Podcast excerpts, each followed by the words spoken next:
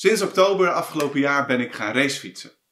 En uh, ik doe dat om te werken aan mijn conditie en gezondheid en ondertussen te genieten van ons mooie Friese land. En een aantal fietsers uit deze gemeente die wezen me op de app Strava.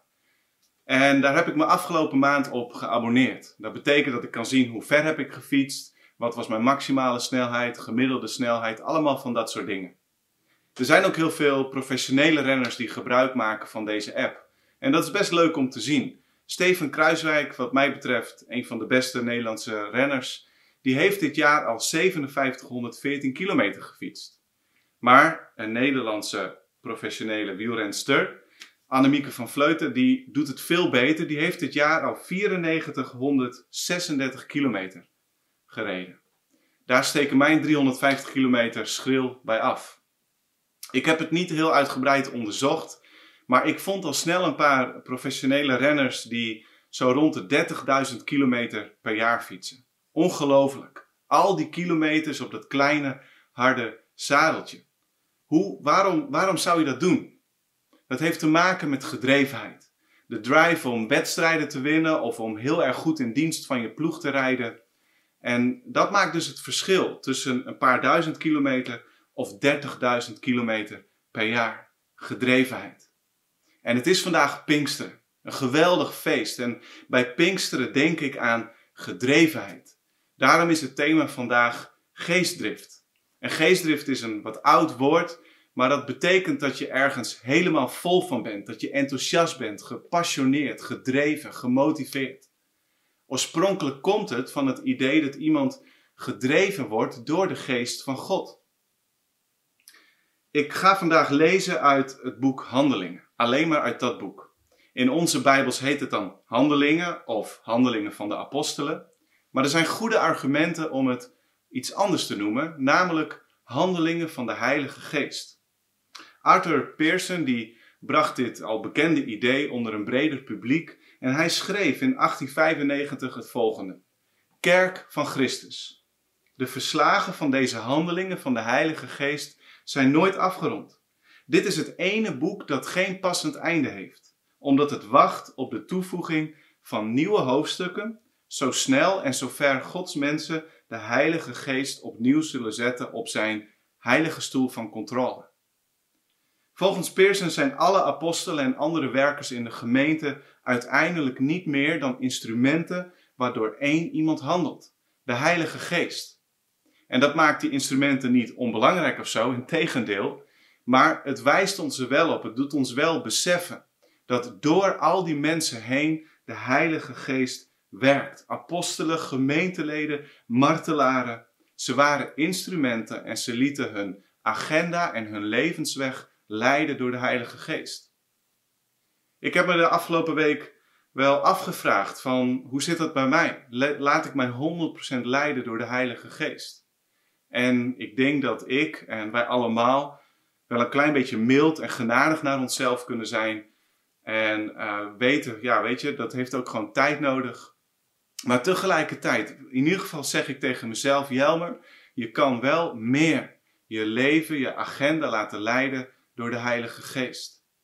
Of op een andere manier gezegd, um, ben ik een instrument of ben ik toch een beetje een weldenkende regisseur van mijn eigen leven? Het is best spannend om de controle uit handen te geven.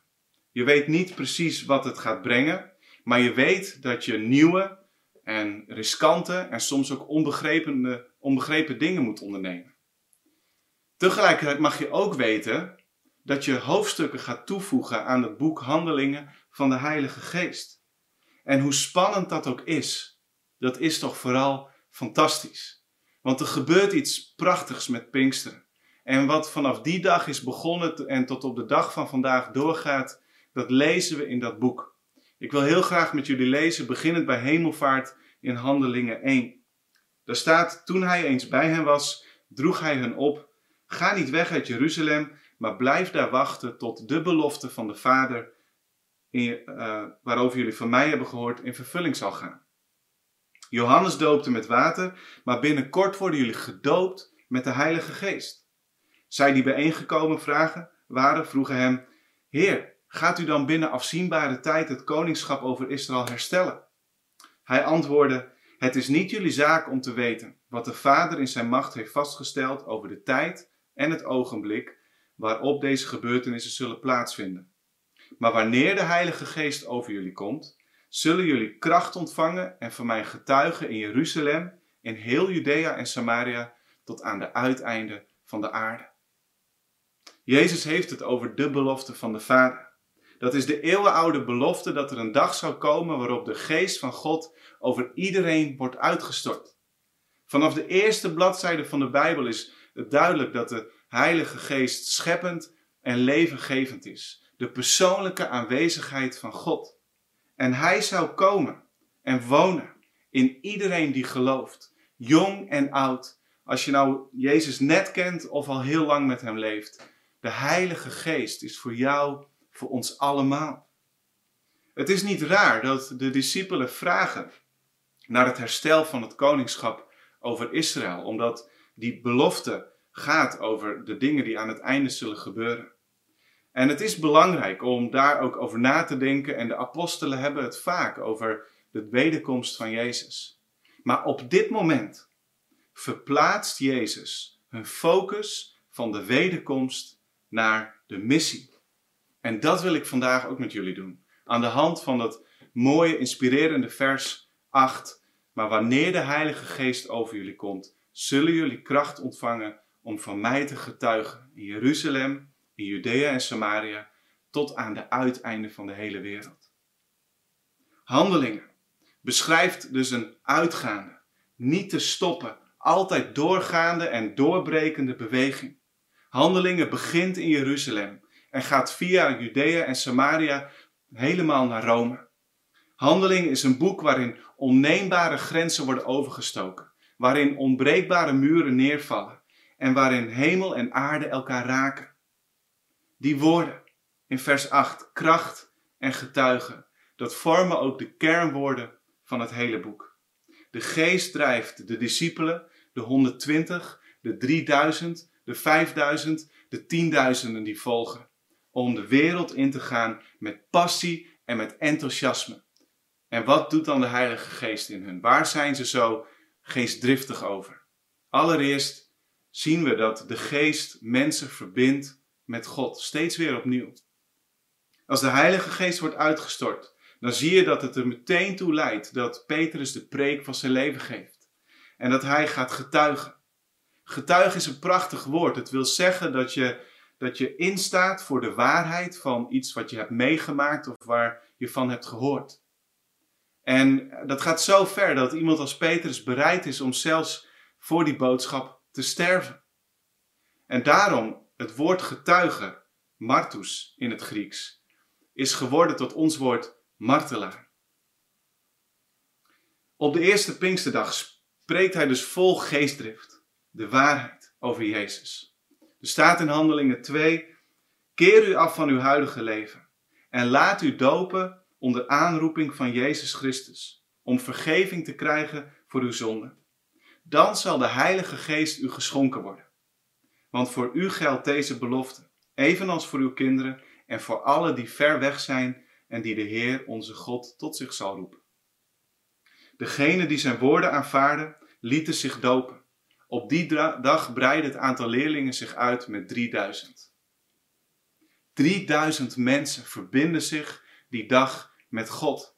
Wauw. En vandaag kun jij hetzelfde doen. We hebben allemaal onze fouten gemaakt, verkeerde dingen gedaan, geleefd alsof we God niet nodig hadden of nagelaten het goede te doen. Maar vandaag is een dag dat je je kan bekeren. Dat wil zeggen 180 graden omkeren, naar God toe gaan en in zijn armen vallen. Er is geen point of no return bij God. Je kan altijd naar Hem toe. En dan wil Hij je vergeven, herstellen. Hij nodigt je uit tot een nieuwe kwaliteit van leven, ja zelfs tot eeuwig leven. En als je die keuze hebt gemaakt, dan kan je je laten dopen. Die 3000 die werden dezelfde dag gedoopt. Er was geen examen nodig of een bepaald minimum aan mate aan geloof of zo. Ze werden meteen gedoopt. En misschien heb jij de afgelopen weken die keuze gemaakt of wil je vandaag die keuze maken. Weet je hoe cool zou het zijn Als je je getuigenis kan laten horen, als je kan laten zien aan mensen, ik hoor bij Jezus, en dat je je laat dopen. Natuurlijk binnen de richtlijnen, maar ik nodig je uit om eens een keer contact op te nemen met ons via dopen.clcleeuwarden.nl en dan gaan we daarover hebben. Misschien mogen we jou wel dopen. Hoe cool zou dat zijn? Als ik in handelingen zoek op die woorden, kracht en getuigen die ik al eerder noemde, dan word ik uitgedaagd door het feit dat mensen die zich verbinden met God dat vaak doen doordat ze de kracht van de Heilige Geest zien in allerlei wonderen en tekenen. Een kleine greep uit de teksten die ik had kunnen lezen. Handelingen 4. De apostelen bleven met grote kracht getuigen van de opstanding. Handelingen 5. Steeds meer mensen gingen in de Heer geloven. Een groot aantal mannen, zoals, zowel als vrouwen. En ze legden zelfs zieken op draagbedden of matrassen buiten op straat. In de hoop dat toch, toch tenminste de schaduw van Petrus, wanneer hij voorbij kwam, op een van hen zou vallen. Ook vanuit de steden rondom Jeruzalem stroomden de mensen toe. Ze brachten zieken mee en mensen die door onreine geesten werden gekweld. En alle werden genezen. Handelingen 6. Stefanus, die verrichtte dankzij Gods genade en kracht grote wonderen en tekenen onder het volk. Ik wil mijzelf heel graag met jullie uitdagen om de kracht van de Heilige Geest te ontvangen, te ervaren en op een geestdriftige, enthousiaste, gepassioneerde manier hoofdstukken toe te voegen aan handelingen. Wie wil dit met mij nastreven? Je kan het even laten weten in de chat. Ten tweede, de geest verbindt ons altijd met een groep. En dat is altijd goed om te beseffen, maar juist in de, de tijd waarin we leven. Dat het de Heilige Geest is die ons met elkaar verbindt. In de tijd van handelingen deed de Heilige Geest sociale, religieuze en culturele barrières neervallen. Mensen die tot geloof kwamen, die vormden hechte groepen met elkaar. We lezen bijvoorbeeld in, aan het einde van Handelingen 2: Allen die het geloof hadden aanvaard, bleven bijeen en hadden alles gemeenschappelijk. Handelingen 4. De groep mensen die het geloof had aanvaard, leefde eendrachtig samen. En opnieuw wordt er dan ook gezegd dat ze alles met elkaar deelden. Of wat te denken van de volgende teksten, waarin we dat geloof de grensovergangen van Jeruzalem, Judea, Samaria en de uiteinden van de wereld zien overgaan. Er staat in Handelingen 8, Filippus liet zich helemaal leiden door de Heilige Geest. Hij ging naar de stad Samaria en verkondigde aan hun de Messias.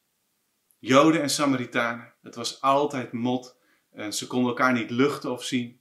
Maar Filippus gaat en dan staat er alle inwoners luisterden met grote belangstelling en vol ontzag naar wat hij zei toen ze de wonderen zagen die hij verrichtte. En velen komen tot geloof. Verderop in Handelingen 8, Filippus die deed opnieuw wat hem werd gezegd. En hij ging naar die weg toe. Daar kwam hij een Ethiopiër tegen, een eunuch, een hoge ambtenaar van de Kandake, de koningin van Ethiopië, die belast was met het beheer van haar schatten. En dan deelt Filippus het evangelie en dan staat er, hij liet de wagen stilhouden. En beide liepen het water in, zowel Filippus als de eunuch, waarna Filippus hem doopte. Handelingen 10. Petrus die moet naar de heidenen toe. Hij mag bij hun zijn met hun eten. God heeft het hem duidelijk gemaakt. Hij denkt, dat kan toch niet? Dat doen Joden niet. Maar dan gebeurt er het volgende als hij toch gehoorzaam daar naartoe gaat. Vanaf vers 45. De Joodse gelovigen, die met Petrus waren meegekomen, zagen vol verbazing dat ook heidenen het geschenk van de Heilige Geest ontvingen. Want ze hoorden hen in klanktaal spreken en God prijzen.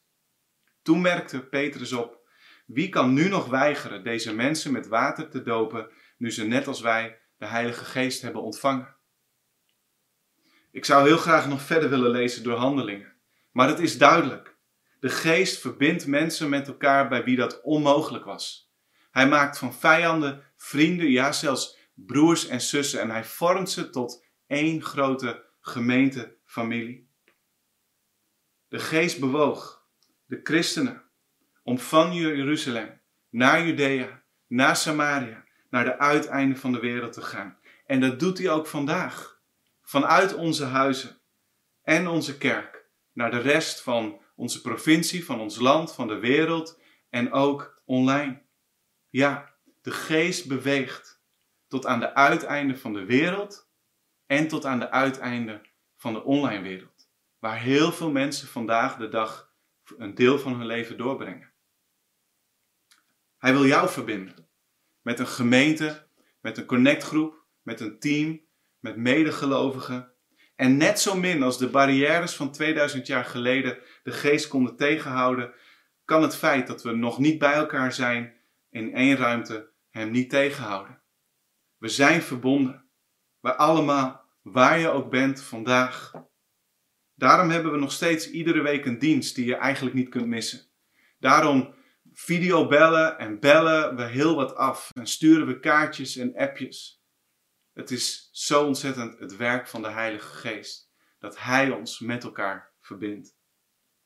En als laatste, de Geest verbindt ons met mensen die hulp nodig hebben.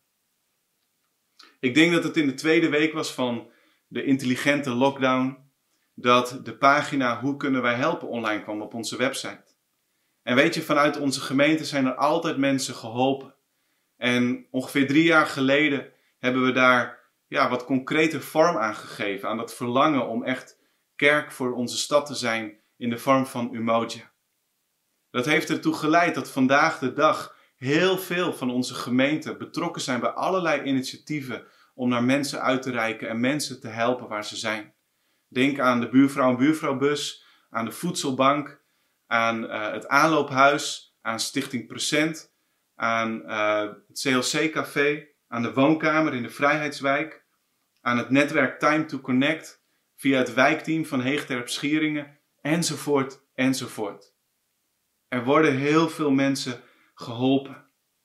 En de afgelopen weken zijn er bijna 50 kratten met boodschappen en zo'n 2000 euro gegeven voor de voedselbank, de buurvrouw en buurvrouwbus en het werk van het leger des heils onder prostituees. En weet je, dit is het werk van de Heilige Geest vandaag. Dit is waartoe Hij ons drijft. Lees maar mee, um, Handelingen 3, vers 6. Maar Petrus, die kwam een verlande tegen en hij zei: Geld heb ik niet, maar wat ik wel heb, geef ik u. In de naam van Jezus van Nazareth, sta op en loop. En die man loopt. Of wat te denken van Petrus die uh, in Joppe komt, omdat daar een leerlinge die Tabitha heet, uh, is overleden. En dan lezen we, in Joppe woonden dus die leerlingen die Tabitha heten, in onze taal is dat Dorcas, en ze deed heel veel goeds voor anderen en ze gaf vaak aalmoezen. En de weduwen die kwamen om Petrus heen staan en lieten hem huilend de tunikas en de mantel zien die Dorcas nog maar pas geleden voor hen had gemaakt. Geestdrift. Geestdrift. De Heilige Geest wil ons aanmoedigen en wil ons enthousiasmeren en de kracht geven en volmaken om met passie en enthousiasme te verbinden en uit te gaan. En dat is denk ik ook waarom we enthousiast mogen zijn over het hart voor het huisoffer. Zo net voor de preek hebben we een, een moment gehad waarin we konden geven aan hart voor het huis. En weet je, geven is wat mij betreft een zaak van het hart. Geven moet voor mij ver blijven van iedere vorm van manipulatie. Maar ik vind het toch ook belangrijk om de vrijmoedigheid te nemen om aan te geven waarom ik ervan overtuigd ben en waarom ik erin geloof dat het mooi is om hier aan te geven. Church Online en het werk van de buurvrouw en buurvrouwbus zijn bewegingen van de Heilige Geest vandaag in en vanuit ons midden. Church Online beoogt om ons te verbinden met God.